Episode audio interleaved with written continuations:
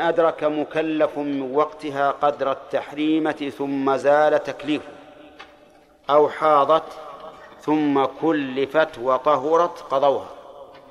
كلف كلف وطهرت قضوها. قول أدرك مكلف المكلف هو البالغ العاقل. ووصف بذلك للزوم العبادات له. والعبادات نوع إلزام وتكليف. وإن كان ما فيها مشقة لكن إنسان ملزم بها. فهو البالغ العاقل. وقوله من وقتها قدر التحريمة يعني قدر تكبيرة الإحرام. وهذا مبني على أن المعتبر هو إدراك تكبيرة الإحرام. أو ثم زال تكليفه. زال تكليفه بأن صغر بعد الكبر. ها؟ لا يمكن؟ طيب إذا كيف؟ جن بعد العقل. كذا؟ بأن جن قبل العقل بعد العقل أو أغمي عليه. كذا؟ طيب أو حاضت بعد دخول وقت الصلاة بقدر التحريمة حاضت المرأة. زال تكليفها أو لا؟ زال تكليفها لكن لا لفوات شرط ولكن لوجود مانع وهو الحيض. وإلا فهي بالغة عاقلة لكن وجد مانع يمنع الوجوب وهو الحيض. ولهذا فرق المؤلف بينهما فقال ثم ثم كلف نعم وطهرت طهرت الحائض. وفي هذا لف ونشر كمل. مرتب. هذا مرتب. إن أدرك مكلف ثم قال ثم زال تكليفه أو حاضت. هذه الثانية. ثم كلف هذا الأول وطهرت هذا الثاني. فاللف والنشر هنا مرتب. يعني معناه أنك إذا إذا أتيت بالحكم عائدا على ما سبق فإن كان على ترتيب ما سبق فهو مرتب. وإن كان على خلافه فهو مشوش في القرآن مثال مثال لهذا ولهذا. نعم.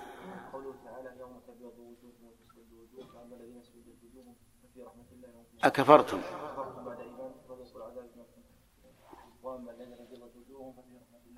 طيب اسمع. يوم تبيض وجوه وتسود وجوه. لو كان مرتبا لقال فأما الذين ابيضت وجوههم لكنه غير مرتب فقال فأما الذين اسودت وجوههم. وأما المرتب فمنهم شقي وسعيد. فأما الذين شقوا ففي النار وأما الذين سعدوا ففي الجنة. طيب. ثم ثم كلف وطهرت قضوها. قضوها. كيف قال قضوها؟ وهو يقول إن أدرك مكلف من وقتها مكلف واحد. وقال ثم حاضت مفردة ولم يقل قضياها ولم يقل قضياها لأن المراد بالمكلف هنا الجنس. نعم الجنس أو العموم لوقوعه بعد الشرط. فلهذا صح أن يعود الضمير على اثنين مجموعا. قضوها أي قضوا تلك الصلاة. مثال ذلك امرأة بعد أن غربت الشمس حاضت بعد أن مضى مقدار تكبيرة الإحرام. فنقول لها إذا إذا طهرت وجب عليك قضاء صلاة المغرب. طيب صلاة العشاء؟ لا يلزمها قضاؤها. صلاة العشاء لا يلزمها قضاؤها لأنه أتى عليها الوقت وهي غير ملزمة بالصلاة.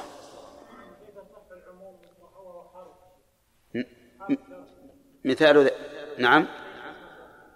أيهن. في سياق الشرط النكرة في سياق الشرط تكون العموم. نعم. تكون العموم طيب نقول تقضيها. المكلف الذي زال تكليفه إنسان بعد أن غربت الشمس أغمي عليه. أغمي عليه ثم أفاق بعد منتصف الليل. يلزمه قضاء صلاة المغرب لأنه أدرك من وقتها قدر تحريمه. أما العشاء ففي لزومها عليه خلاف. فمن قال إن المغمى عليه يقضي الصلوات التي فات وقتها وهو في الإغماء قال تلزمه صلاة العشاء. لا لأنه أدرك من وقت المغرب قدر تحريمه ولكن لأن الإغماء لا يسقط فرض الصلاة. ومن قال وهو الصحيح إن الإغماء يسقط فرض الصلاة قال لا يلزمه في هذه الصورة إلا قضاء صلاة المغرب. بناء على أنها تدرك بإدراك تكبيرة الإحرام. واضح؟ مثال ثالث رجل غربت عليه الشمس ثم أصيب والعياذ بالله بالجنون ثم أفاق بعد منتصف الليل. يلزمه قضاء صلاة المغرب لأنه أدرك من وقتها قدر التحريم. وقال بعض أهل العلم لا يلزمه قضاء الصلاة إذا أدرك من وقتها قدر التحريمة لقول النبي صلى الله عليه وسلم من أدرك ركعة من الصلاة فقد أدرك الصلاة ركعة. وهذا لم يدرك ركعة. فكما أن أننا نعتبر الإدراك في آخر الوقت بركعة فكذلك نعتبر الإدراك في أول الوقت بركعة. هذين قولان. وقال بعض أهل العلم واختاره شيخ الإسلام ابن تيمية لا يلزمه القضاء هذا المكلف ولا الحائض إلا إذا بقي من وقت الصلاة بمقدار ركعة. إذا بقي من مقدار ركعة أو نعم إلا إذا بقي من من وقت الصلاة بمقدار فعل الصلاة. إلا إذا بقي من وقت الصلاة بمقدار فعلها. فحينئذ يلزم القضاء. نشوف الأدلة. أما الأول الذي يجعل ذلك منوطا بإدراك تكبيرة الإحرام فبناء على التعليل السابق أن من أدرك مقدار جزء من الصلاة فإن الصلاة لا تتجزأ فيكون كما لو أدركها كاملة. وأما القائلون بذلك ركعة فحجتهم إيش؟ الحديث. من أدرك ركعة من الصلاة قالوا فهذا أدركها فيكون قد قد أدرك الصلاة. وأما الذين قالوا إنه لا يلزم حتى يتضايق الوقت عنها فقالوا إن الإنسان له أن يؤخر هذه الصلاة. فإذا طرأ المانع فقد طرأ عليه في حال يجوز له تأخيرها إليه. أو في وقت يجوز تأخيرها إليه وهو غير مفرط ولا معتدي بل فاعل ما يجب عليه. ولأن هذا الأمر يقع كثيرا في حيض النساء. ولم ينقل أن المرأة إذا حاضت في أثناء الوقت ألزمت بقضاء الصلاة التي حاضت في أثناء وقتها. والأصل براءة الذمة. وهذا التعليل كما ترون تعليل قوي جدا. وبناء عليه فنقول إذا زال التكليف أو وجد المانع في وقت واسع فإن هذه الصلاة لا يلزم قضاؤها. إن قضاها احتياطا فهو على خير وإن لم يقضها فليس بآثم. والعلة كما ذكرت وأجابوا عن الحديث بأن قوله من أدرك ركعة من الصلاة. أدرك الإدراك في الغالب يكون في الأخير.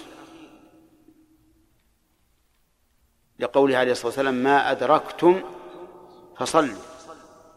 ما ما أدركتم من أول صلاة الإمام ولا من آخرها؟ من آخرها.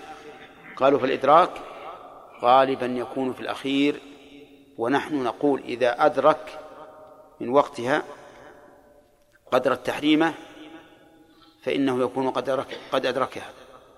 قد قد قد ركعة فإنه يكون قد أدركها. أما إذا زال التكليف أو وجد المانع في وقت يجوز له التأخير فيه فإنه ليس بآثم ولا معتدي فلا يلزم بالقضاء. نعم. فهذه الم... ففي المسألة إذن ثلاثة أقوال. نعم.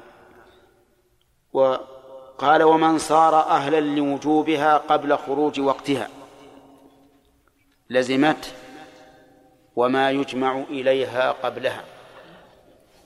من صار أهلا لوجوبها قبل خروج وقتها لزمته طيب كيف ذلك؟ أهلية الوجوب تكون بالتكليف وزوال المانع. الأهلية تكون بالتكليف وزوال المانع فيصير أهلا لوجوبها إذا بلغ قبل خروج الوقت. إذا عقل قبل خروج الوقت. إذا زال الإغماء على القول بأنه لا تقضى صلاة الإغماء قبل خروج الوقت. زوال المانع إذا طهرت قبل خروج الوقت. فقوله من صار أهل لوجوبها يشمل من صار أهلا لوجوبها لكونه لم يكلف أو لكونه متصفا بمانع ثم زال فمن صار أهلا لوجوبها قبل خروج الوقت بمقدار كم؟ على رأي المؤلف بمقدار تكبيرة الإحرام. وعلى رأي من يقول بركعة؟ يقول بركعة. المهم أنه صار أهل الوجوب قبل خروج الوقت. إما بركعة أو بتكبيرة الإحرام لزمته أي لزمته تلك الصلاة التي أدرك من وقتها قدر التحريم قبل قدر التحريم على كلام المؤلف أو قدر ركعة على القول الراجح. وهذا واضح أنها تلزمه لأنه خوطب بها في الوقت. خوطب بها في الوقت. ولقول الرسول عليه الصلاة والسلام من أدرك ركعة من الصلاة فقد أدرك الصلاة.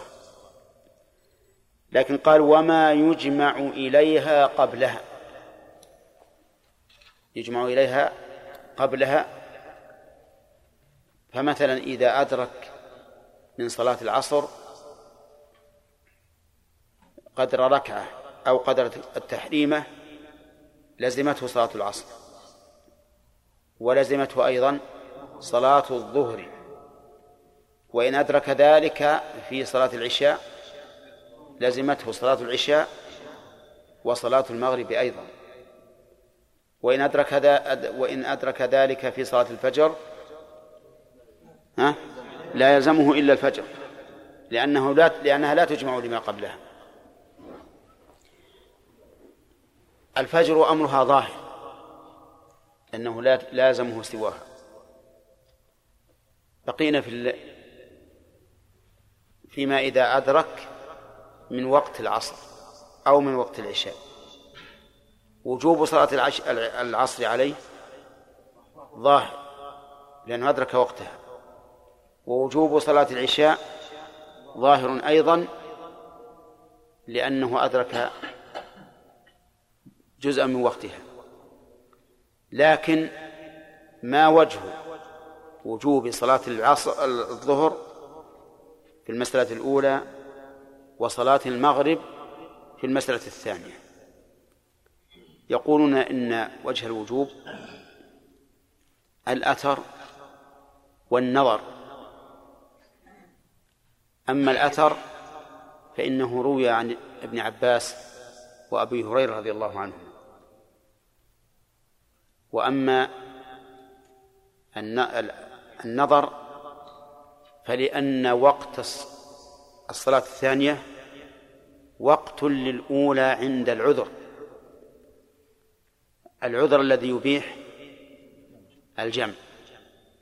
فلما كان وقتا لها عند العذر صار إدراكه أو إدراك جزء منه منه كإدراك جزء من الوقتين جميعا. أعرفتم؟ طيب. وهذا هو المشهور من المذهب. وقال بعض أهل العلم إنه لا يلزمه إلا الصلاة التي أدرك وقتها فقط. فأما ما قبلها فلا يلزم واحتجوا بالأثر والنظر. أما الأثر فقول الرسول صلى الله عليه وسلم من أدرك ركعة من الصلاة فقد أدرك الصلاة.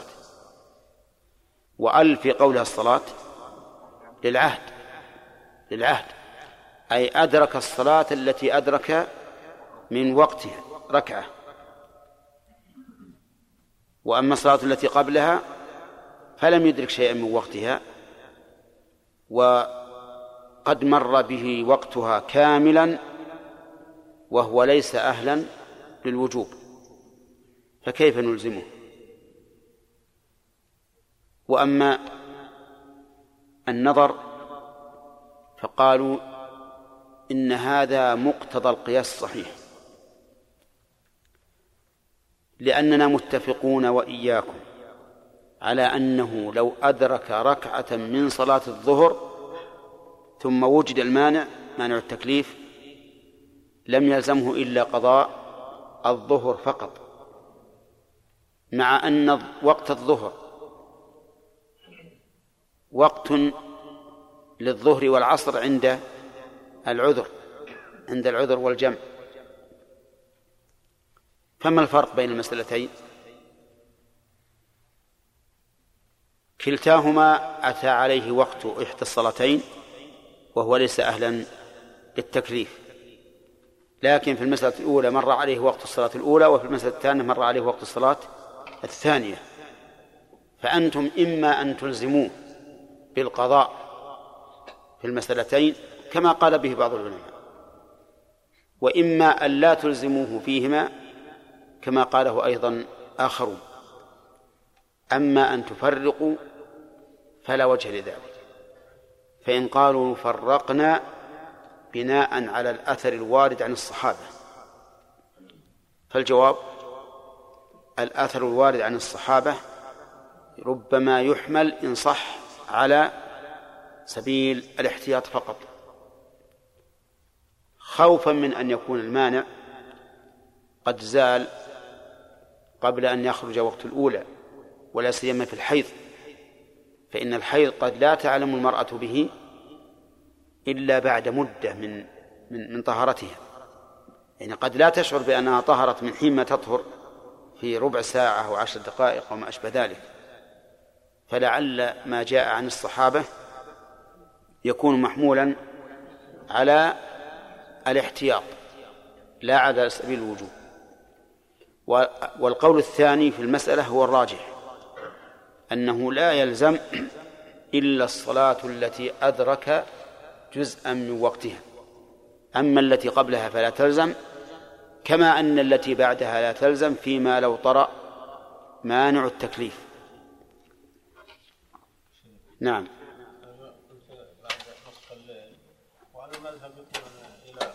إي نعم. لكن لا وجه له المذهب. إي هم يقولون إذا طهرت قبل الفجر لازمها العشاء والمغرب. نعم. نعم.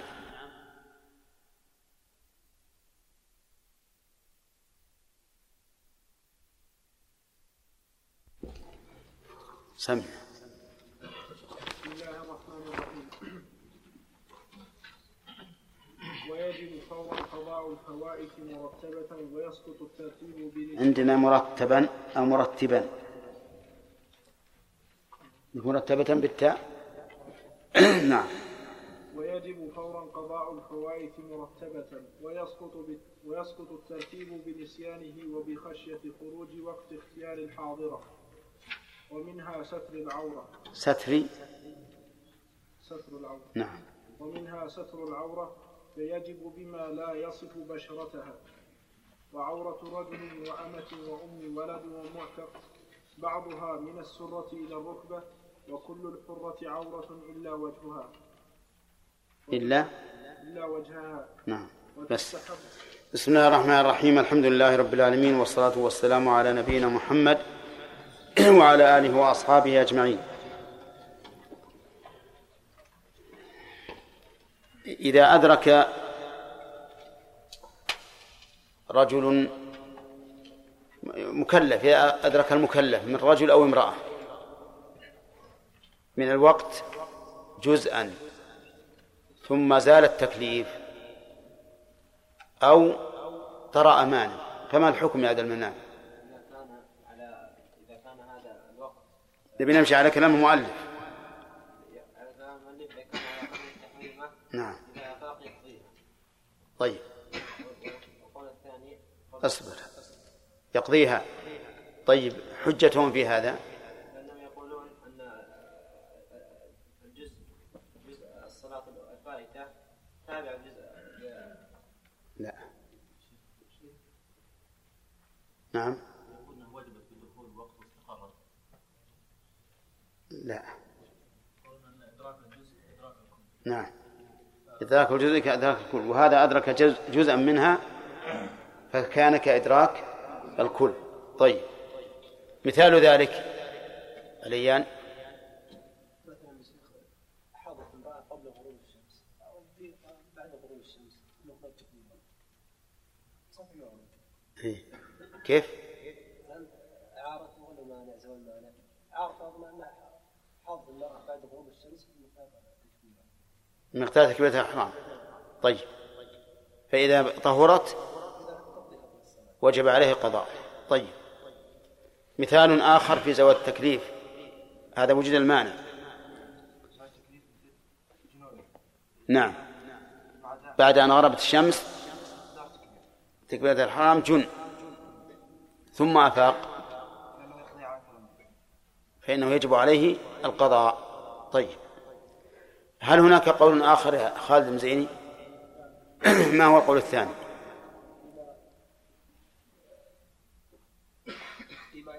في هذه المسألة فيما إذا طرأ المانع أو زال أو زال التكليف. إيش؟ لأنها لا تقضى مطلقا.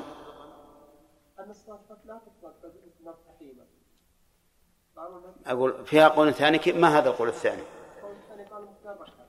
نعم. نعم. قالوا إن إن المدار على مقدار ركعة. فإذا زال المانع فإذا زال التكليف بعد تك... يعني بعد مقدار تكبيرة الإحرام ودون الركعة فإنه لا يلزمه القضاء. وكذلك لو وجد المانع كالحيض بعد زوال مقدار ركعة مقدار تحريمه ودون الركعة فإنه لا يلزمه القضاء. طيب ما حجة هؤلاء؟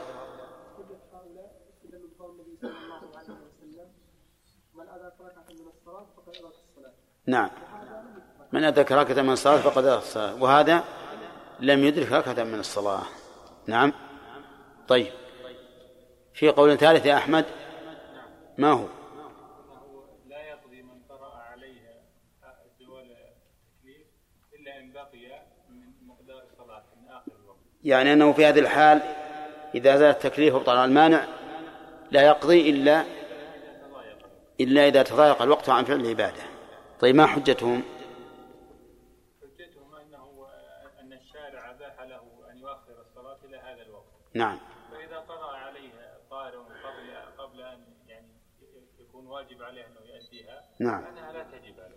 فإنها لا تلزمه لأنه قد وسع عليه. فيه أيضا دليل آخر.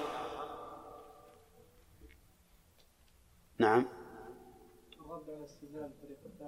لا لا ما نريد الرد إلى الآن. نبي الدليل لهذا يقوي هذا القول. نعم. نعم. ولم ينقل عنهن أنها إذا حاضت في أثناء الوقت تقضي تلك الصلاة. والأصل براءة الذمة. نعم. هذا هذا الحديث لا شك هذا القول تعليله قوي جدا. إلا أننا ذكرنا أنه مع قوة تعليله يشكل عليه. ما الذي يشكل؟ الحديث. من أدرك ركعة من الصلاة فقد أدرك الصلاة. فلهذا القول بهذا أن المعتبر هو الركعة ذكرنا أنه أقرب الأقوال وهو قول وسط بين من بين من يقيده بتكبيرة الإحرام ومن يقيده بتضايق الوقت. ما هو؟ أي. بأن إدراك في آخره لا في, في أوله. أي. لا ما هو في هذا الحديث أن أدركت المصلي لا. لكن التفسير بأن الإدراك يكون في الآخر. على كل حال هذا أحوط. القول الوسط هذا أحوط وألا تعليل القول الثالث قوي جدا. تعليله قوي. نعم. نعم طيب فيها عكس هذه المسألة. لو طرأ التكليف على الإنسان في أثناء الوقت فما المعتبر؟ لو طرأ التكليف في أثناء الوقت فما المعتبر يقضيها وما يجمع إليها بعدها ولا قبلها؟ وما يجمع إليها بعدها؟ ها؟ قبلها وش مثاله مثلا إذا بلغ بعد صلاة العصر يقضي العصر. لو بلغ في وقت العصر يقضي العصر والظهر لأن الظهر كذا؟ طيب. كذلك أيضا لو لو زال المانع لو زال المانع أثناء الوقت. سلطان.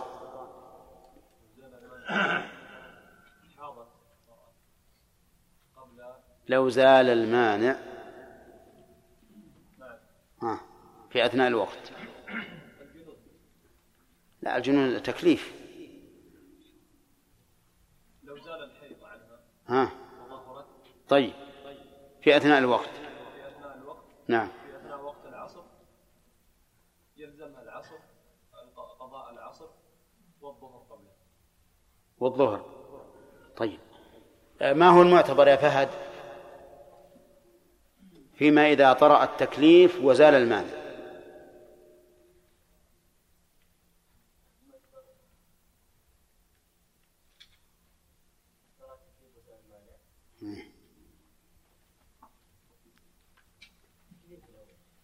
لك وش المعتبر؟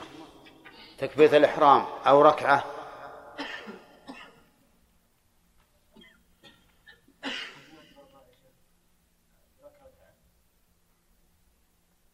المعتبر على كلام المؤلف. تكبيرة الإحرام. فإذا طهرت مثلا قبل غروب الشمس بمقدار تكبيرة الإحرام لزمها صلاة الظهر والعصر. طيب في قول آخر؟ ما فيصل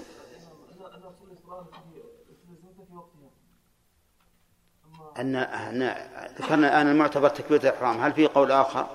ها؟ المعتبر درك ركعة طيب. دليله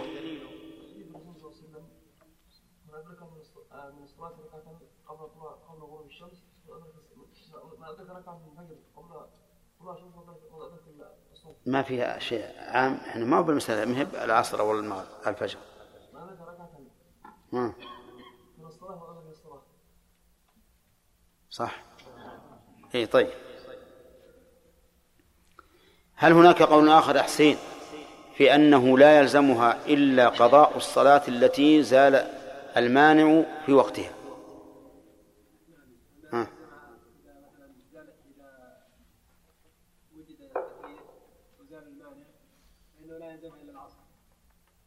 كيف إلا العصر؟ ما جبنا ما جبنا مثال الآن. حتى تقول التكليف ها. لا تجيب مثال. وجد التكليف في وقتها وأما ما قبلها فلا يلزمه. طيب. ما هو الدليل على هذا؟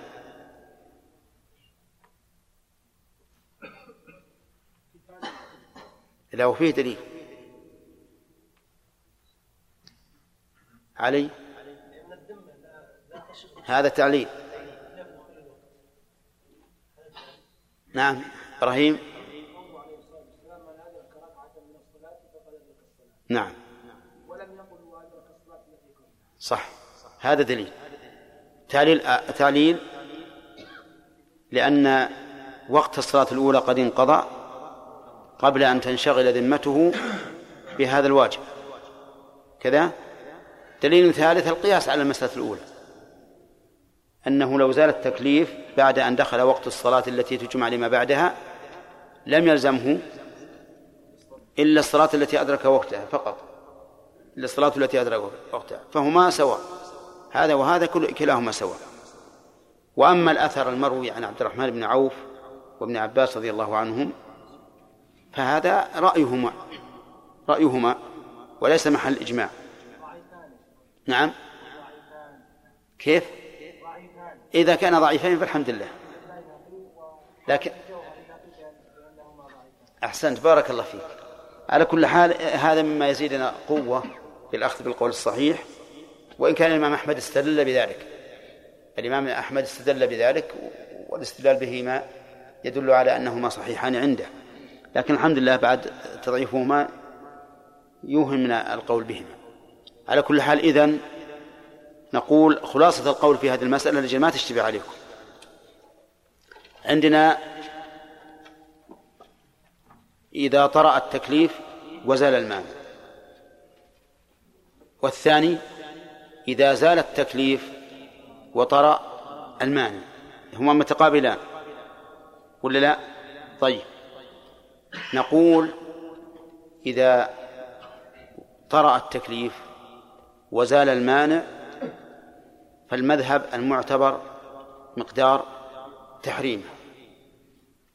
والقول الثاني المعتبر مقدار ركعة والقول الثالث المعتبر تضايق وقت الصلاة التي حصل ذلك فيها. فلو فلو طرأ المانع وقد بقي من وقت الصلاة أكثر من فعلها. فعلى هذا القول الأخير لا لا تقضى وكذلك لو زال التكليف بأن جن الإنسان في أثناء الوقت فإنه إذا زال التكليف قبل قبل زمن أكثر من فعل الصلاة فإنه لا يلزمه طيب هذه المسألة عن طرو المانع وزوال التكليف. المسألة الثانية عكسها وهي زوال المانع وش بعد؟ وطرو التكليف. طيب زوال المانع بأن تطهر المرأة في أثناء الوقت. والثاني طرو التكليف. مثال ذلك زوال المانع امرأة طهرت من الحيض قبل أن يخرج الوقت بمقدار تكبيرة الإحرام. نقول على المذهب يلزمها قضاء الصلاة وإن كان لها مجموعة قبلها لازمها قضاء الصلاة التي تجمع إليها. على القول الثاني المعتبر المعتبر مقدار ركعة. وكذلك لو طرأ التكليف لو طرأ التكليف بمعنى لو أن هذا الرجل المجنون آه، عقل قبل غروب الشمس بمقدار ركعة لزمه أن يصلي العصر.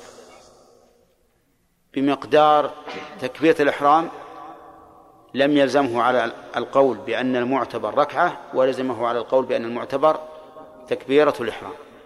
وكلام المؤلف في هذا واضح. انظر ماذا يقول.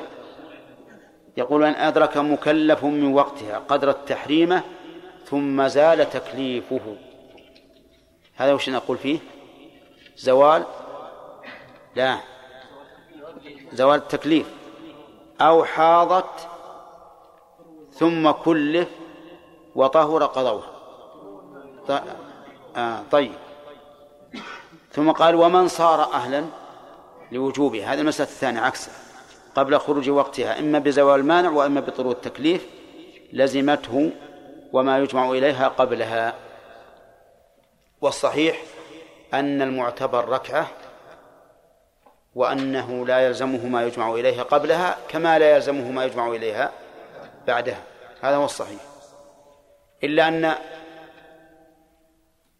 مسألة طرو المانع وزوال التكليف القول بأن المعتبر تضايق الوقت قلنا إنه قول قوي جدا لكن ربط ذلك بالركعة أحوط. ثم قال المؤلف رحمه الله ويجب هذا مبتدأ درس اليوم ويجب فورا قضاء الفوائت مرتبا. يجب قضاء الفوائت. الفوائت جمع فائتة والفائتة كل عبادة خرجت عن وقتها فهي فائتة. كل عبادة مؤقتة خرج وقتها فهي فائتة. سواء كانت نفلا كالوتر أو فرضا كالصلوات الخمس. فكل عبادة مؤقتة تفعل بعد وقتها فهي أو خرج وقتها قبل فعلها فهي فائتة. كل عبادة مؤقتة خرج وقتها قبل فعلها فهي فائتة. وتسمى حينئذ مقضية. ولهذا قال يجب قضاء ولم يقل يجب أداء. لأن الأداء ما فعل بوقته والقضاء ما فعل بعد وقته. والإعادة ما فعل ثانية في وقته. فهذه ثلاثة أشياء قضاء وأداء وإعادة. القضاء ما فعل خارج الوقت بعد الوقت بعد الوقت. والأداء ما فعل في الوقت. والإعادة ما فعل ثانية في الوقت. مثلا لو صليت الظهر في مسجدك وأتيت إلى مسجد جماعة وصليت معه تسمى هذه تسمى إعادة. طيب يجب قضاء الفوائد. عندنا قضاء لماذا سميناه قضاء؟ لأنه بعد الوقت. فائتة لأنها خرج وقتها قبل فعلها فتكون فائتة. قوله يجب الوجوب مر علينا في أصول الفقه أنه ما أمر به على وجه الإلزام. هذا الواجب والوجوب بمعنى الإلزام. ودليل وجوب القضاء. قول النبي صلى الله عليه وسلم من نام عن صلاة أو نسيها فليصلها إذا ذكرها من نام عن صلاة أو نسيها فليصلها إذا ذكرها واللام في قول فليصلها للوجوب للأمر والأمر للوجوب. ولأن هذا الرجل أو لأن هذا الإنسان الذي فاتته العبادة شغلت ذمته بها فوجب عليه أداؤها لأنها كانت دينا. كما قال الرسول عليه الصلاة والسلام في المرأة التي سألته هل تحج عن أمها؟ قال أرأيت لو كان على أمك دين أكنت قاضيته. أقض الله فالله حق بالوفاء. فصار لدينا دليل وش بعد؟ وتعليل. الدليل من نام عن صلاة أو نسيها فليصليها إذا ذكرها. التعليل لأن ذمته قد شغلت بها فهي دين عليه والدين يجب قضاؤه. طيب. وقوله يجب قضاء الفوائت ظاهر كلام المؤلف أنه لا فرق بين أن يدعها عمدا إلى عذر أو يدعها لعذر. وهذا هو الذي عليه جمهور أهل العلم. أن قضاء الفوائت واجب سواء تركها لعذر أو لغير أم لغير عذر. يعني حتى المتعمد الذي تعمد إخراج الصلاة عن وقتها يقال إنك آثم وعليك القضاء. واضح؟ وهذا مذهب الأئمة الأربعة وقول جمهور أهل العلم. والقول الثاني في المسألة أنه إذا فاتت العبادة المؤقتة عن وقتها لعذر قضيت. وإن فاتت لغير عذر فلا قضاء. لا تخفيفا عن المؤخر ولكن تنكيلا به وسخطا لفعله. وهناك فرق بين التخفيف وبين التنكيل والسخط. فنحن نقول لمن تركها عمدا لا لا تقضي لأنك لو تقضي ألف مرة ما قبل الله منك ما قبل الله منك حتى ولو تبت. إذا تبت فأحسن العمل. طيب حجة القائلين بأنه يقضي ولو كان لغير عذر قالوا لأن النبي صلى الله عليه وسلم يقول من نام عن صلاة أو نسيها فليصليها إذا ذكرها فإذا كان من المعذور بنوم أو نسيان يلزمه القضاء فغير المعذور من باب أولى. غير المعذور من باب أولى. وقالوا أيضا إنه لما ترك الصلاة حتى خرج وقتها كانت دينا عليه. والدين لا لا وقت له. يجب على الإنسان أن يقضيه فورا. ولو خرج ولو خرج وقته أرأيت لو كان بينك وبين شخص معاملة يحل الدين فيها في أول ليلة من شهر ربيع الأول ثم جاءت الليلة ولم توفي هل يسقط؟ لا يبقى في ذمتك حتى توفيه ولو بعد حين وقد سمى النبي صلى الله عليه وسلم العبادات دينا فإذا كان سماها دينا فإنه يجب قضاؤها ولو تركها لغير عذر. أما الذين قالوا بعدم الوجوب إذا كان لغير عذر فقالوا لأن هذه الصلاة المؤقتة محدودة أولا وآخرا والمحدود موصوف بهذا الوقت موصوف. بهذا الوقت.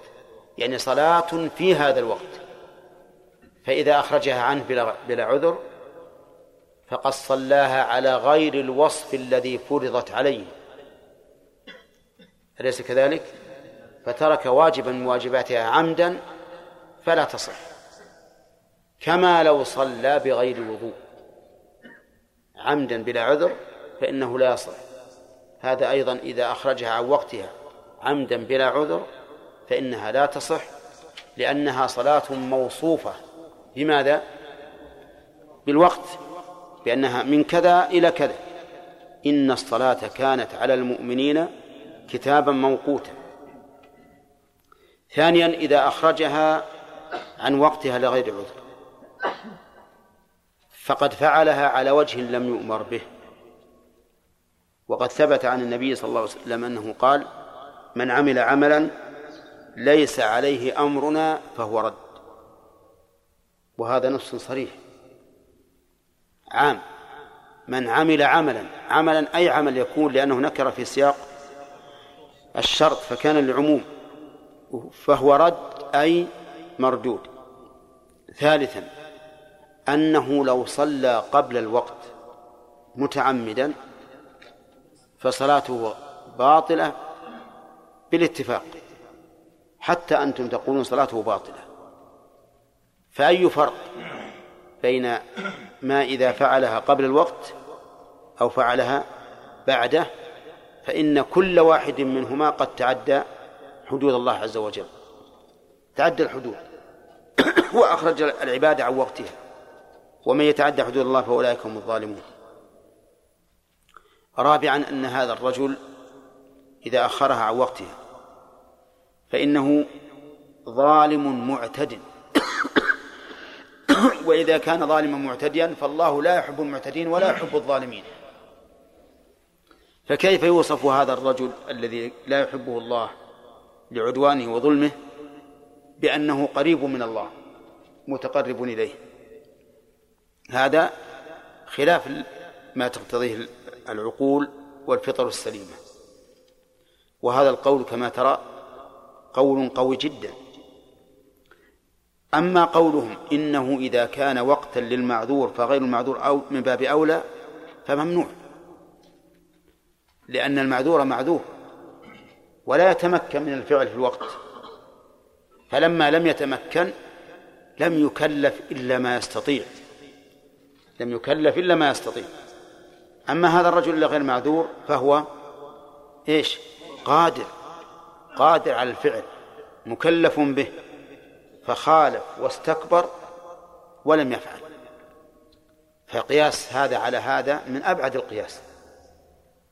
والمسألة ليست مسألة أنه عذر أو مو عذر. نقول نعم المعذور وقت الصلاة في حقه عند زوال عذره كما سيأتي إن شاء الله تعالى قريبا.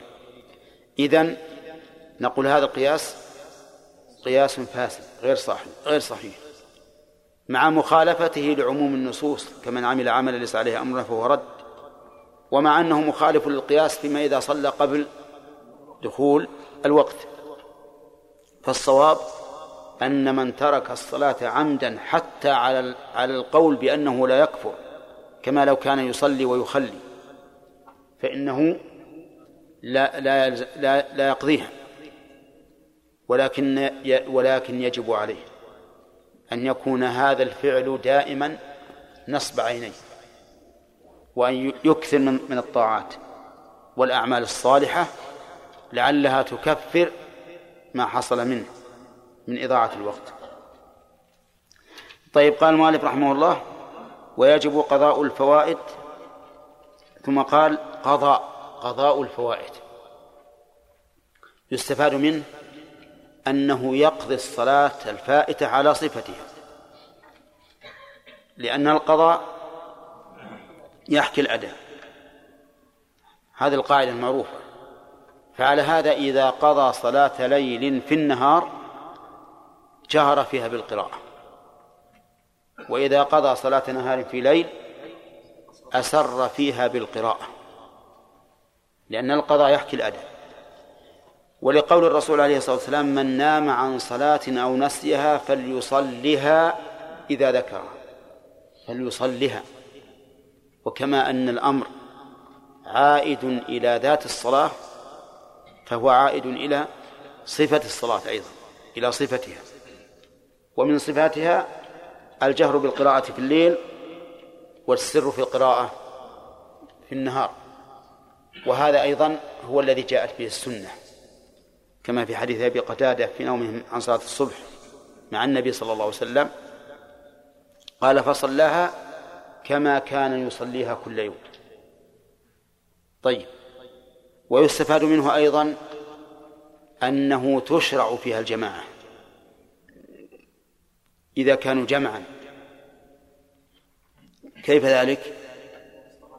لأن القضاء يحكي الأداء فكأمن فكما أنهم لو صلوها في الوقت صلوها جماعة فكذلك إذا قضوها فإنهم يصلونها جماعة وهذا أيضا هو الذي جاءت فيه السنة في حديث أبي قتادة فإن الرسول صلى الله عليه وسلم أمر بلالا فأذن ثم صلى ركعتي الفجر ثم صلى الفجر جماعة.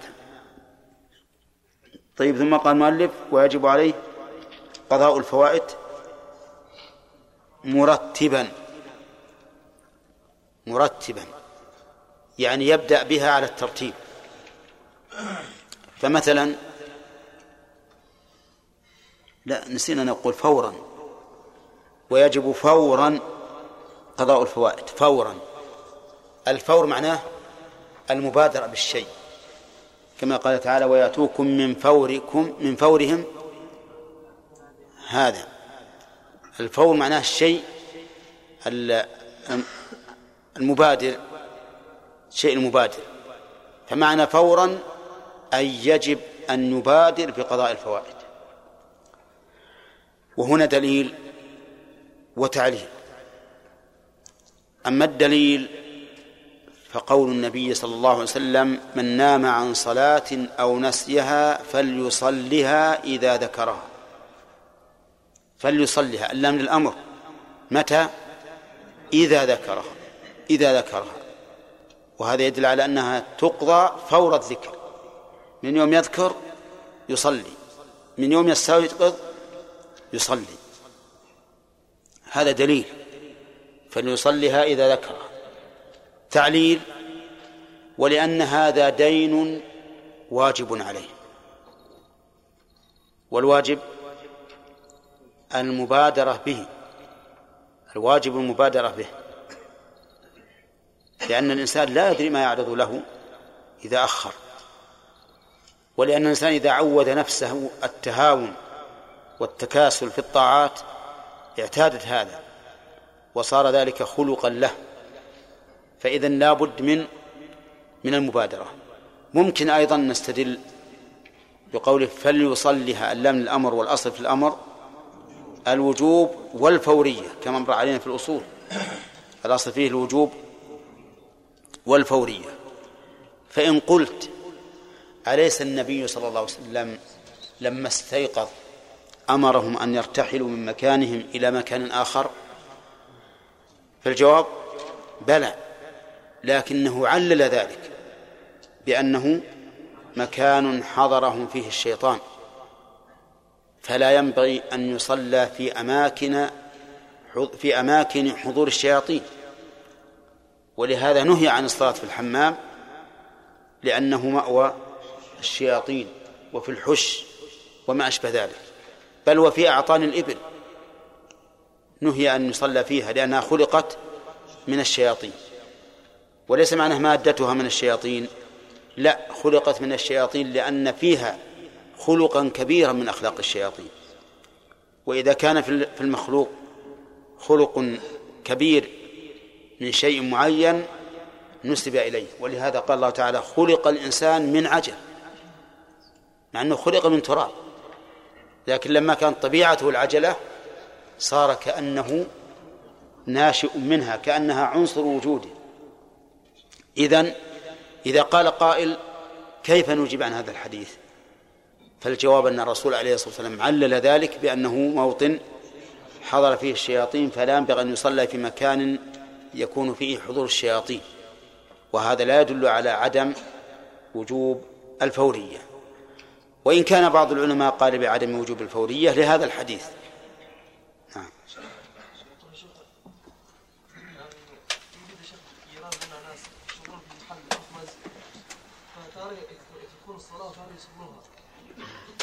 كيف؟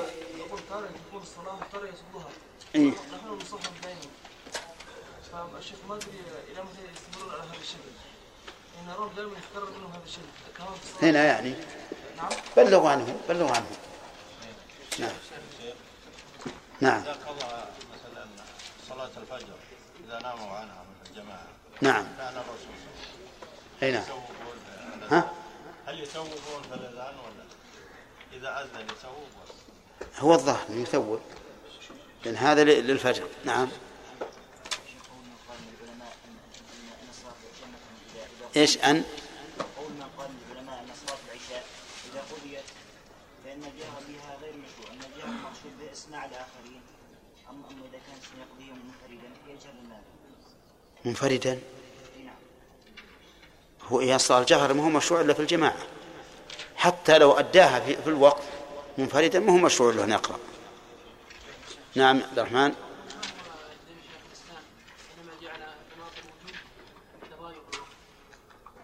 هو هذا الدليل اللي قلت لك.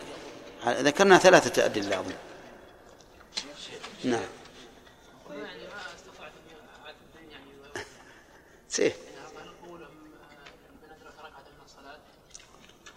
يقول رحمه الله إن إن الإنسان إذا إذا كانت لم يتضايق فهو غير ملزم بها الآن.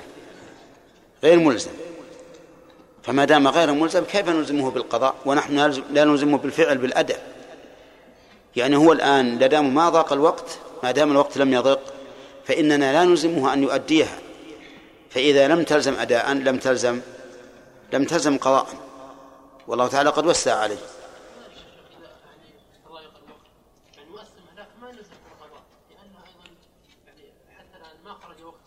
كيف؟ لا إذا تضايق نلزمه بالأداء. إذا تضايق ما يجوز يأخر ولا جزء واحد من وقتها.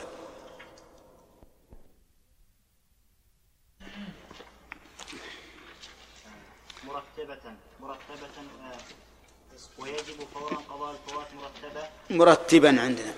مرتبا ويسقط الترتيب بنسيانه وبخشية خروج وقت اختيار الحاضرة. ومنها ستر, العورة فيجب بما لا يصل بشرتها. بشرتها. بشرتها وعورة رجل وأمة وأم ولد ومعتقة. وأمي وأمي. وأم معتقة إيش؟ وأم ولد ومعتقة. بعضها ومعتق بعضها ومعتق بعضها من السرة إلى الركبة وكل الحر وكل الحر عورة إلا وجهها. إلا وجهها. بس. بسم الله الرحمن الرحيم. الحمد لله رب العالمين والصلاة والسلام على نبينا محمد وعلى آله وأصحابه أجمعين. ما حكم قضاء الفوائد؟ عادل. فهد. واجب. قضاء الفوائد واجب؟ قضاء الفوائد واجب؟ هذا السؤال. ما حكم قضاء الفوائد؟ واجب. إيه أو فرض يعني. لازم. بتقييد كيف؟ عبد الوهاب ما هو؟ إذا كانت هذه الفوائد يعني لرجل قبل أن يتوب إلى الله قبل أن لا لا. نعم. أنت يا خالد ها. يجب؟ قضاء الفوائد يجب. نعم. كان فرضا يجب وإن كان نفلا اي طيب. صح. المهم ما علينا. أنا أسألكم عن قضاء الفوائد. إذا نقول إذا كانت إذا كانت الفوائد مستحبة فالقضاء مستحب. وإلا فلا. طيب ما حكم قضاء الفرائض؟ بندر. واجب؟ الدليل. قول الرسول صلى الله عليه وسلم. من نام عن نعم فليصليها إذا نعم طيب أحسنت هذا دليل تعليل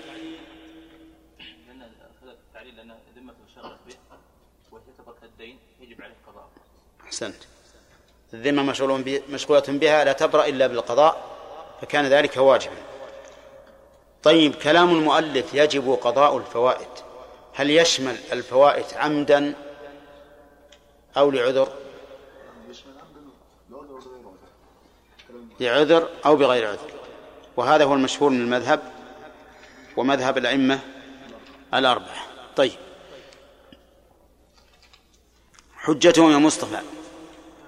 حجة القائلين بوجوب القضاء الفوائت سواء كان عمدا أو غير عمد.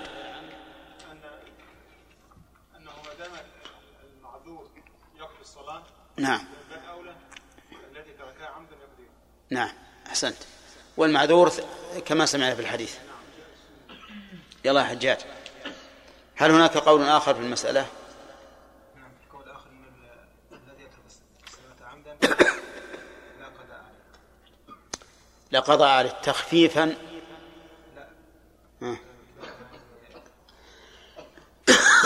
ليس من باب التخفيف ولكن من باب التعنيف نعم. طيب. ما دليل هؤلاء؟ ما دليله؟ نعم. قوله تعالى فإن تابوا وأقاموا الصلاة. لا. عليا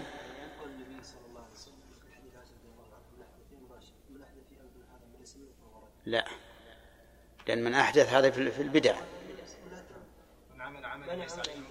لا يا أخي لا تعداك السؤال ما من عمل عملا أحسنت. وهذا الذي أخر الصلاة لغير عذر عمل عملا ليس عليه أمر الله ورسوله فيكون مردودا.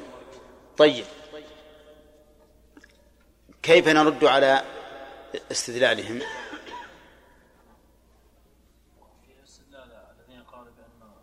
بأنه يقضي المتعمد لأنه إذا قضى المعذور فالمتعمد من باب أولى.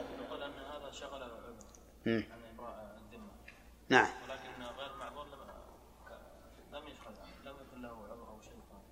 صلى الله عليه وسلم خص الحديث بالمعذور. نعم. ولا يقاس عليه؟ أحسنت. طيب. يقول مؤلف نعم قلنا إن هذا القول له في شيخ الإسلام هو القول الراجح. رجحناه طيب. يقول المؤلف فورا. يلا يا أخ. يقول المؤلف فورا. وش معنى فورا؟ مبادرة بالشيء. مبادرة بالشيء هل هناك دليل؟ على وجوب الفورية في قضاء الفوائت إن الصلاة كانت على من الكتاب الموقوت انتهى الوقت.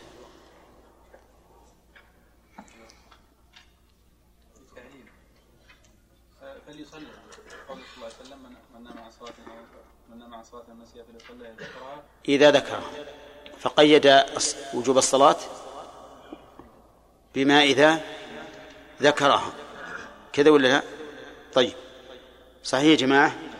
ولهذا لا نقول إن إنه إذا إذا ذكرها يكون الوقت موسعا في حقه كما نقول في الأداء بل هو مضيق. من يوم يذكرها يجب أن يبادر إلى قضائها.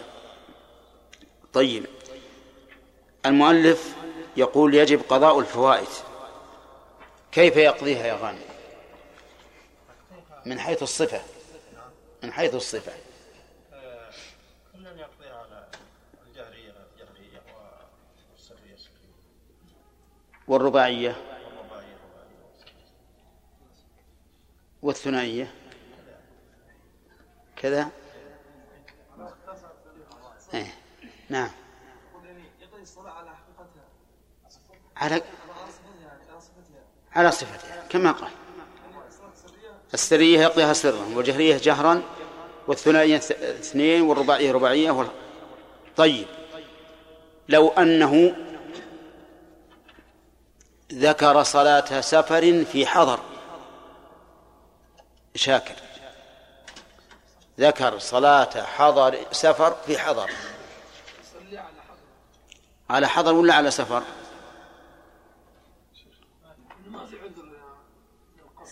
كيف؟ نسي. ها. أنا ما نبغى أصلي من جديد. صلاة مقضية. اصبروا يا جماعة. يقضيها شيخ إيش؟ أربع ولا ثنتين؟ أربعة أربع. إذا ما قضاها كما هي لا هي أساسا أربعة لكن لعذر السفر المهم أنها وجبت عليه رباعية ولا ثنائية؟ طيب. كيف يقضيها؟ خطأ هذا ما صحيح. نعم علي المذهب يقضيها رباعية والصحيح أنه يقضيها لكن ليقتضيه الحديث فليصلها ثنائية. طيب وبالعكس لو ذكر صلاة حضر في سفر.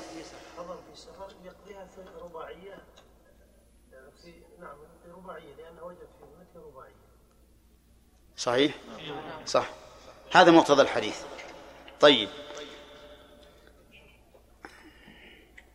هل تقضى جماعة أو فرادى يعني لو فرضنا أن أناسا ناموا عن صلاة الفجر في السفر هل يقضونها جماعة أو فرادى جماعة. ممكن أن تأخذها من حديث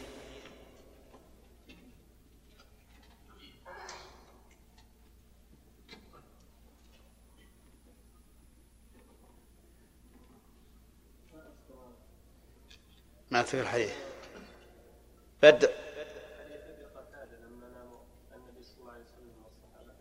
الشمس نعم. قضوها جماعة.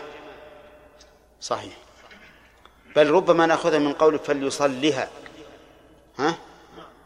يمكن يقول يصليها على الصفة اللي هي عليه.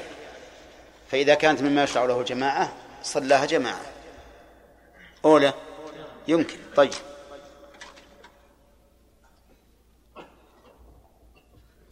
أظن وقفنا على مرتبا. طيب. قال المؤلف رحمه الله تعالى ويجب فورا قضاء الفوائد مرتبا. يعني يبدأ بها بالترتيب. فإذا كان عليه خمس صلوات تبتدئ بالظهر. صلى الظهر ثم العصر ثم المغرب ثم العشاء ثم ها؟ الفجر. طيب. لأن خمس خمس قلنا خمس فرائض تبتدي من الظهر. يصلي الظهر ثم العصر ثم المغرب ثم العشاء ثم الفجر.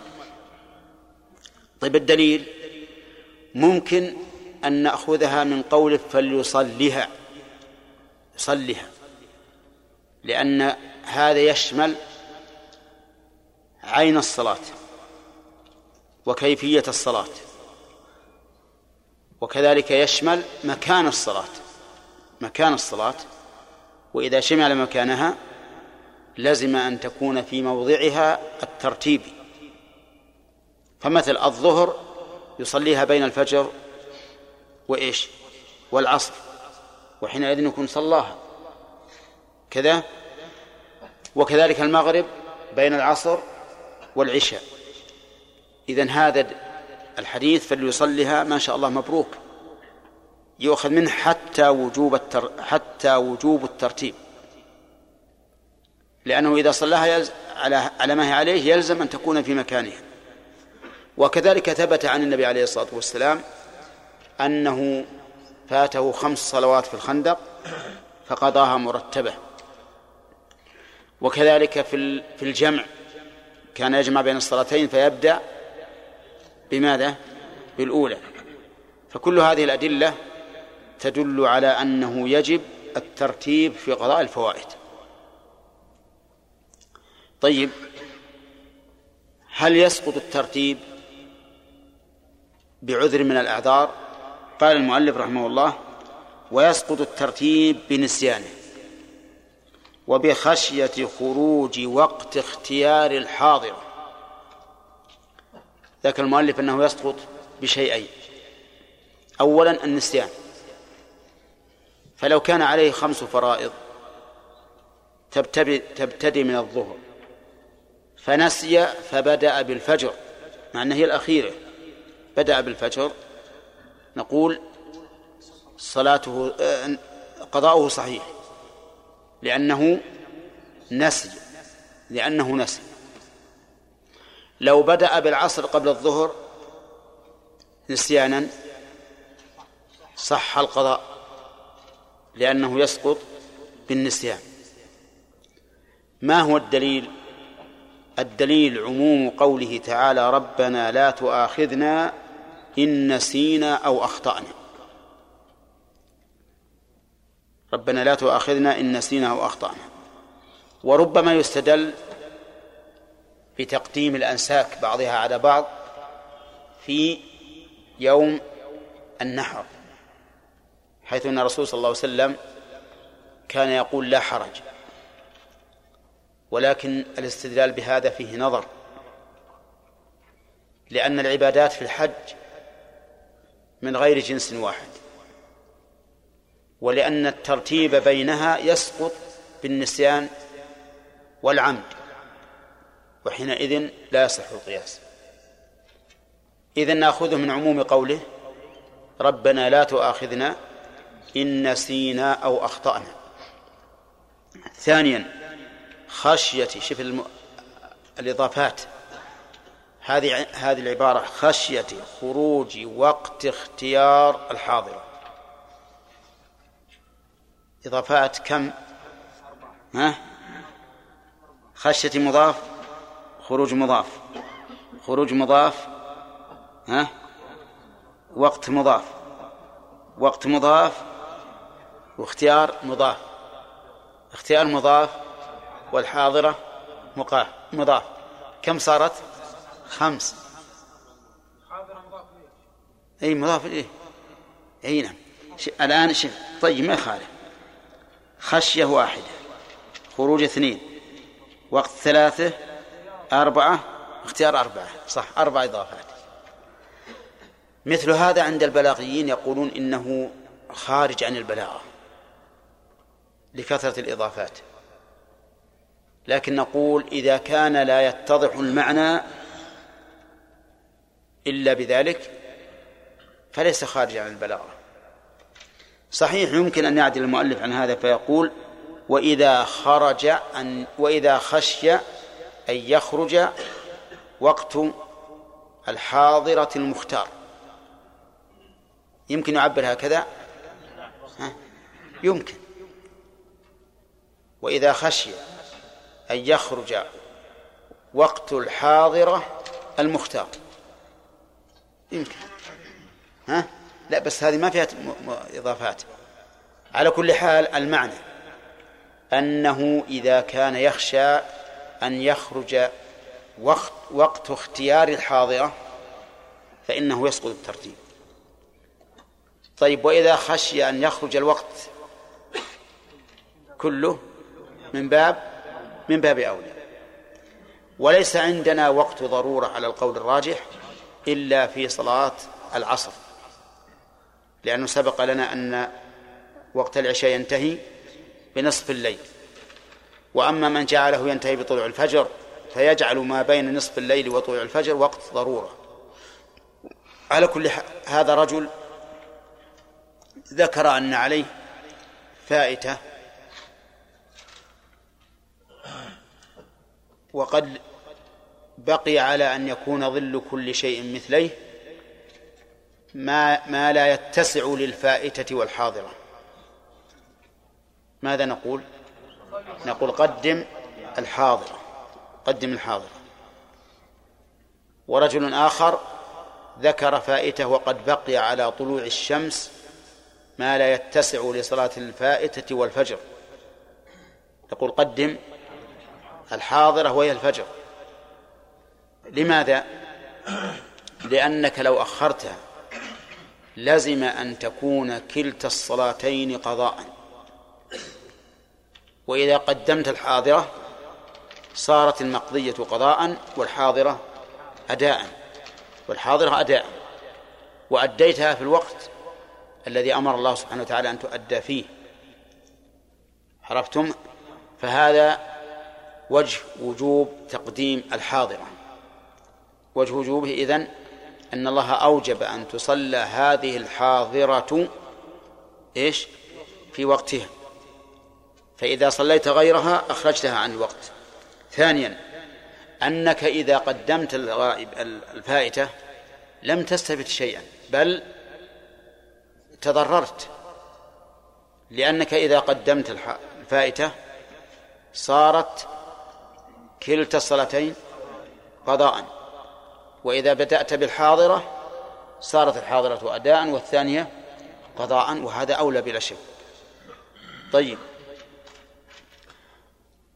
هل يسقط بغير ذلك؟ نقول نعم. يسقط بما لا يمكن قضاؤه على وجه الانفراد كصلاة الجمعة. صلاة الجمعة. فإنه لو ذكر أن عليه فائتة بعد أن أقيم صلاة الجمعة ولا يتمكن من قضائها وإدراك الجمعة فإنه يبدأ بالجمعة. لأن فوات الجمعة كفوات الوقت. فوات جماعة الجمعة كفوات الوقت. لأنها لو فاتت الجماعة عليك فاتتك الجمعة. لا يمكن أن تصلي جمعة بعد فوات الجماعة فيها. هذا ثلاثة. طيب هل يسقط بالجهل؟ لو جاءنا رجل يسأل يقول أنا والله علي فوائد علي صلاة الظهر والعصر والمغرب وإني ما أدري فبدأت بصلاة المغرب ثم بالعصر ثم بالظهر. نقول كلام المؤلف يدل على أنه لا يسقط لأنه لم يذكر إلا النسيان. لم يذكر إلا النسيان. والجاهل قد يكون مفرطا بترك العلم أو بترك التعلم فلا فلا يعذر. وعلى هذا فنقول لهذا الرجل الذي سألنا فقدم المغرب ثم العصر ثم الظهر نقول أعد إيش؟ لا أعد العصر ثم المغرب أما الظهر لا يعيده لأنه في مكانها. وهكذا كل شيء فيه الترتيب إذا إذا عكست فآخر شيء لا تعيده لأنه يكون هو أول شيء. لأن اللي. الذي قدمته هو الذي ما صح أما الذي كان هو الآخر فيصح. اللهم إلا ما كان عبادة واحدة كما لو سجد قبل أن يركع فلا بد من إعادة السجود بعد الركوع. طيب على كل حال نقول حتى لو سجد قبل أن يركع فإذا ركع قلنا لا تعيد الركوع. إذا لا يستثنى شيء من هذه القاعدة. صار يسقط بالجهل ولا لا؟ على كلام المؤلف لا يسقط بالجهل. فنقول لهذا الذي سأل حيث صلى المغرب ثم العصر ثم الظهر أعد العصر والمغرب. ولو كان جاهلا وقال بعض العلماء بل يسقط بالجهل. لأن الجهل أخو النسيان. في كتاب الله وكلام رسول الله صلى الله عليه وسلم. قال الله تعالى ربنا لا تؤاخذنا إن نسينا أو أخطأنا. وقال النبي عليه الصلاة والسلام إن الله تجاوز عن أمة الخطأ والنسيان وما استكروا عليه. فإذا كان هذا جاهلا فإنه لا يضره ونقول صلاتك صحيحة. وهذا القول هو الصواب. لأن العذر واحد. العذر واحد. وكثير من الناس لا يطرأ على باله أن الأمر فيه خلاف أو في يعني فيه ضرر عليه فيقدم بعضا على بعض. طيب هل يعذر بترك الجماعة أو بخوف فوت الجماعة؟ يعني هل يسقط الترتيب بخوف فوت الجماعة؟ المذهب لا يسقط. فنقول ابدأ بالفائتة ثم صل الحاضرة مع الجماعة إن أدركتها وإلا ما فلا شيء عليك. وذهب بعض العلماء إلى أن الترتيب يسقط بخوف فوت الجماعة. لا سيما على القول بأن الجماعة شرط لصحة الصلاة. قال فيجب أن يقدم الصلاة الحاضرة بالجماعة ثم يصلي الفائتة. وهذا أعني القول بأنه يسقط الترتيب بخوف فوت الجماعة مبني على القول بأنه لا يصح أن يصلي خلف من يصلي صلاة أخرى. أما على القول بالجواز فنقول ادخل مع معهم في الجماعة ونو بها الصلاة التي عليك الفائتة. مثلا لو كان عليك الظهر وجيت وجئت وهم يصلون العصر. فإن نقول على القول الراجح ادخل معهم بنية الظهر. واختلاف النية لا تضر. لكن على القول بأن اختلاف النية يضر يقول يقول لا يسقط الترتيب بخوف الجماعة كما هو المذهب. فصار عندنا خمسة أشياء. النسيان وخوف خروج الوقت المختار أو أو غير المختار خوف فوات الجمعة خوف فوات الجماعة الجهل. المذهب يعذر بالثلاثة الأولى وهي النسيان وخوف فوت الوقت وخوف فوت الجمعة. وأما الرابع والخامس فلا يعذر فيه والصحيح أنه يعذر فيه. الصحيح أنه يعذر فيه. فيسقط الترتيب بخمسة أشياء. النسيان والجهل خوف فوت الجمعة وخوف فوت الوقت وخوف فوت والنسيان والنسيان. لا كما غررتنا يا غانم. ما خالف نعيد من الأول. النسيان والجهل وخوف فوت الجمعة وخوف فوت الجماعة وخشية خروج وقت الصلاة. خمسة. طيب.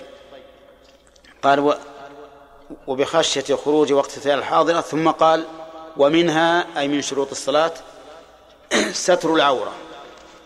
ستر الستر بمعنى التغطية.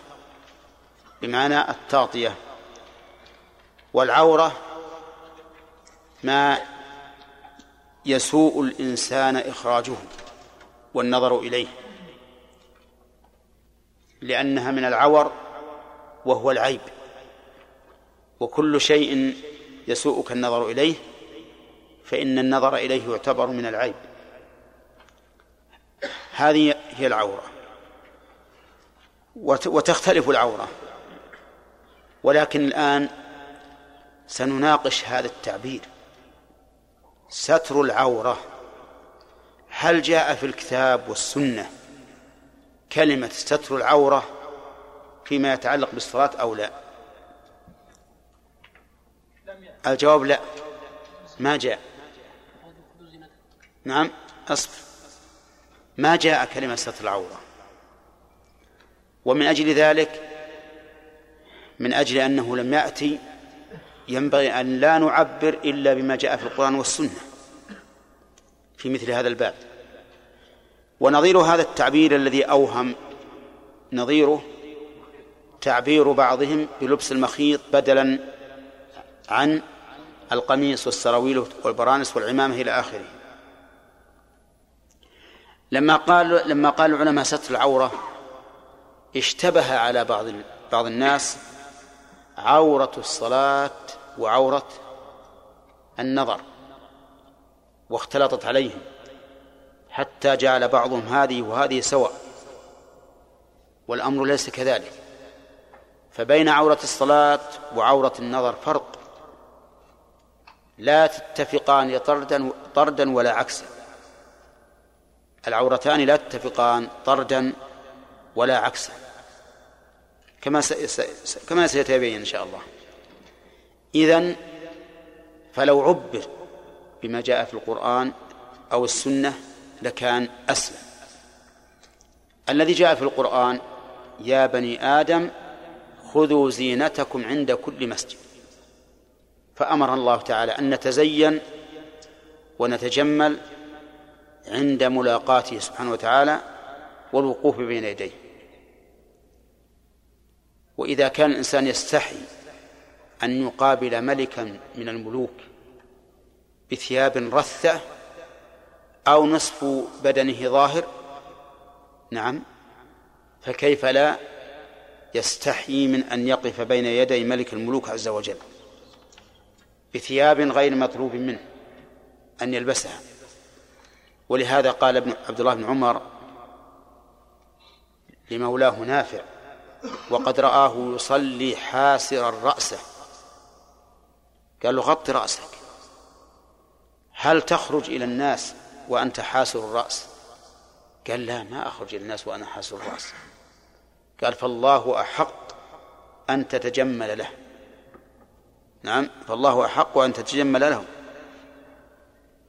وهذا صحيح بالنسبة لمن عادتهم أن لا يحسروا عن رؤوسهم. ما يمكن الواحد يخرج حاسر الرأس أمام الناس. إذن فاتخاذ الزينة غير ستر العورة. ونقول قال النبي صلى الله صلى الله عليه وسلم لا يصلي أحدكم في الثوب الواحد ليس على عاتقه منه شيء. وعاتق الرجل ليس بعورة. عاتق الرجل ليس بعورة. بالاتفاق. ومع ذلك أمر النبي عليه الصلاة والسلام بستره. قال ليس على عاتقه منه شيء. فدل هذا على أن مناط الحكم ليس ستر العورة. وقال صلى الله عليه وسلم لجابر في الإزار إن كان ضيقا أو في الثوب إن كان ضيقا فاتزر به وإن كان واسعا فالتحف به. ومعلوم أنه لا يشترط للعورة أو لستر العورة أن يلتحف الإنسان بل ربما يكون في وزرة تغطي ما, ما يجب ستره في غير الصلاة. إذن فليس مناط الحكم إيش؟ ستر العورة. إنما مناط الحكم اتخاذ الزينة. اتخاذ الزينة. هذا هو الذي أمر الله به وهو الذي دلت عليه السنة. ومن أجل هذا التعبير التبس على بعض العلماء. وجعلوا المسألة مسألة العورة هنا كمسألة العورة هناك في باب النظر وهما يختلفان. هذا من من حيث من حيث التعبير بكلمة ستر العورة. طيب ما هو الدليل على أنه من شرط صحة الصلاة ستر العورة؟ الدليل قوله تعالى يا بني آدم خذوا زينتكم عند كل مسجد. وقول الرسول صلى الله عليه وسلم إن كان واسعا فالتحف به وإن كان ضيقا فاتزر به. فلا بد من من الاتزار. وإذا كان واجبا في العبادة فكل واجب في العبادة شرط لصحتها. كل واجب. القاعدة الشرعية أن كل واجب في العبادة فهو شرط لصحتها. فإذا تركه الإنسان عمدا بطلت هذه العبادة. ولهذا لو ترك الإنسان التشهد الأول أو الأخير في العبادة في الصلاة متعمدا بطل صلاته. حتى في الواجبات لو تركها متعمدا بطلت الصلاة. ولهذا نقول لا شك أن ستر العورة شرط لصحة الصلاة وأن من صلى من غير من غير أن يلبس ما يستر به العورة أو ما يجب ستره على الأصح فإن صلاته باطلة. وقد نقل ابن عبد البر إجماع العلماء على أن من صلى عريانا مع قدرته على اللباس فصلاته باطلة. الإجماع. وكذلك نقله شيخ الإسلام ابن تيمية. أن العلماء اتفقوا على أن الإنسان الذي يصلي عريانا وهو قادر على اللباس فصلاته باطلة. فيكون قد اجتمع في هذا الكتاب والسنة والإجماع. طيب العورة قال المؤلف فيجب بما لا يصف بشرتها يجب الفاعل يعود على ستر العورة يعني فيجب ستر العورة. بما ما هذه ما ما نوعها؟ يعني بالذي. طيب. ويجوز أن نجعلها نكرة موصوفة. أي بثوب. بثوب. نعم. لا يصف بشرته هذا هذا واحد يعني يشترط للساتر أن لا يصف البشرة. لا أن لا يبين العضو. أن لا يصف البشرة. ووصف الشيء ذكر صفاته والثوب لا يصف.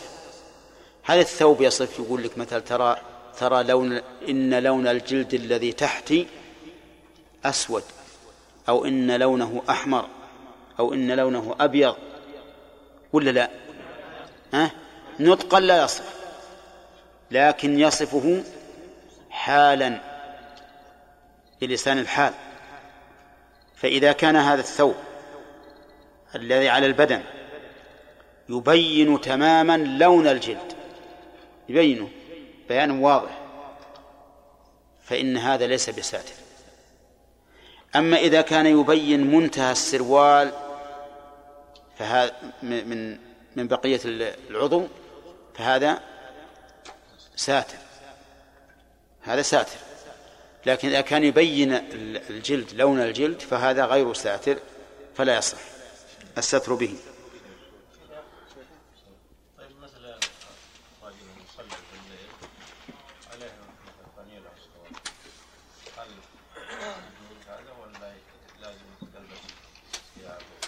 لا يكفي. يكفي هذا. إي. لعل ابن عمر رضي الله عنه قال هذا لينبه نافع. ما هو ما هو بشرط. بشرط. نعم. كيف يسقط بالجهل أو بالنسيان وهو واجب والواجبات لا تسقط أيهن؟ الترتيب بين الفوائد نعم. وهو واجب والقاعده ان الواجب لا يسقط يقول هذا ليس واجبا في نفس العبادة لكن بينها. ما هو في نفسها؟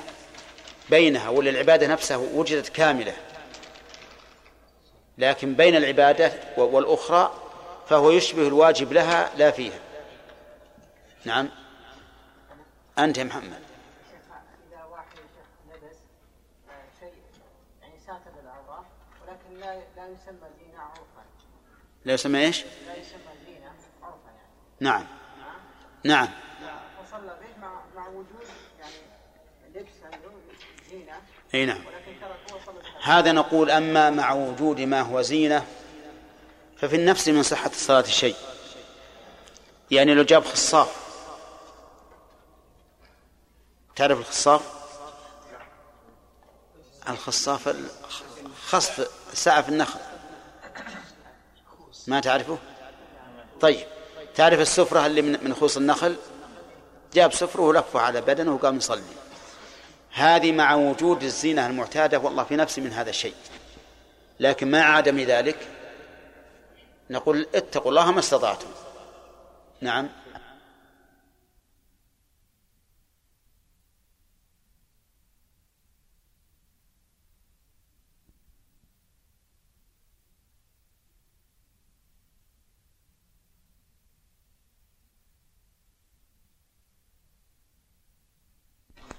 صل وسلم قال المؤلف رحمه الله تعالى وعورة رجل وأمة وأم ومعتق بعضها من السرة كيف؟ ومع- ومعتق ومعتق وم- ومعتق حركه وعورة رجل وأمة وأم ولد ومعتق يحرك القاف. ومعتق ومعتق ومعتق نعم. ومعتق بعضها من السرة إلى الركبة. وكل الحر عورة إلا وجهها. إلا إلا وجهها. ويستحب صلاته في ثوبين ويكفي ستر عورته في النفل وما أحد عاتقيه في الفرض وصلاتها في درع وخمار وال- وملحفة. ويجزئ ستر, ويجزئ ستر عورتها ومن انكشف بعض عورته وفحش. أو صلى في ثوب محرم عليه أو نجس أعاد. لا من حبس لا من حبس في محل النجس. بس. بسم الله الرحمن الرحيم الحمد لله رب العالمين والصلاة والسلام على نبينا محمد وعلى آله وأصحابه أجمعين سبق لنا أن الترتيب يسقط بأربعة أمور أو خمسة بخمسة أمور الجهل والنسيان وخوف فوت الوقت وخوف الجمعة وخوف فوت الجماعة طيب وسبق لنا أيضا أن من شروط الصلاة نعم. إي نعم. انتهينا منه الوقت. وغير؟ نعم. ستر العورة. طيب وذكرنا له دليلا من القرآن والسنة والإجماع. قوله تعالى يا بني آدم خذوا زينتكم عند كل مسجد. طيب. أصبر. هذا في القرآن. يلا يا إمداد. من السنة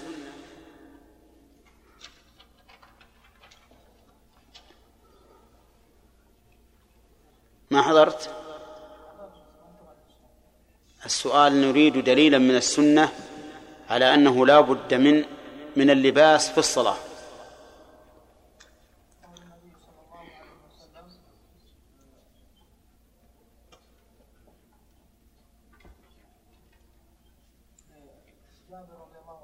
نعم.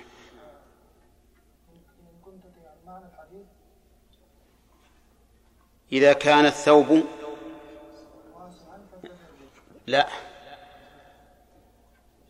فالتحف به فاتزر به. طيب. فيه أيضا حديث آخر. فهد.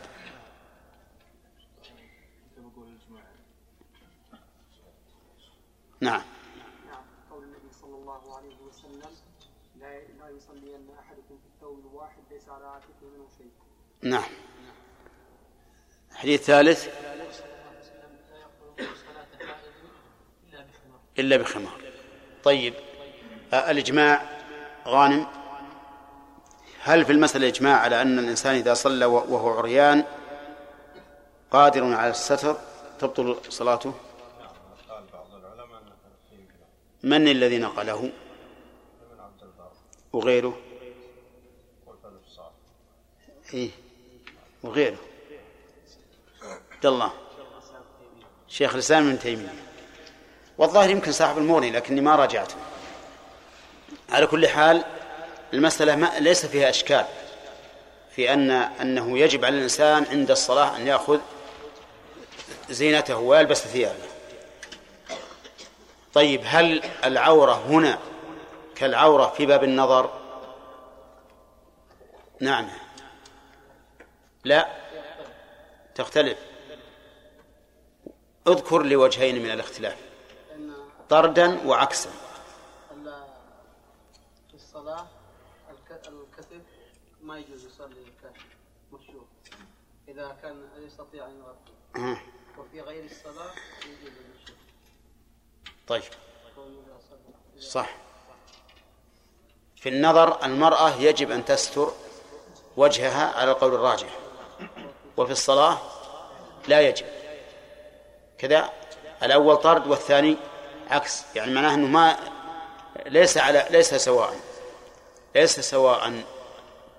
وحينئذ ينبغي أن لا نعبر هنا بستر العورة لئلا يشتبه الأمر وأن نعبر بأخذ الزينة أو باللباس أو ما أشبه ذلك أنه لا بد للصلاة من لباس.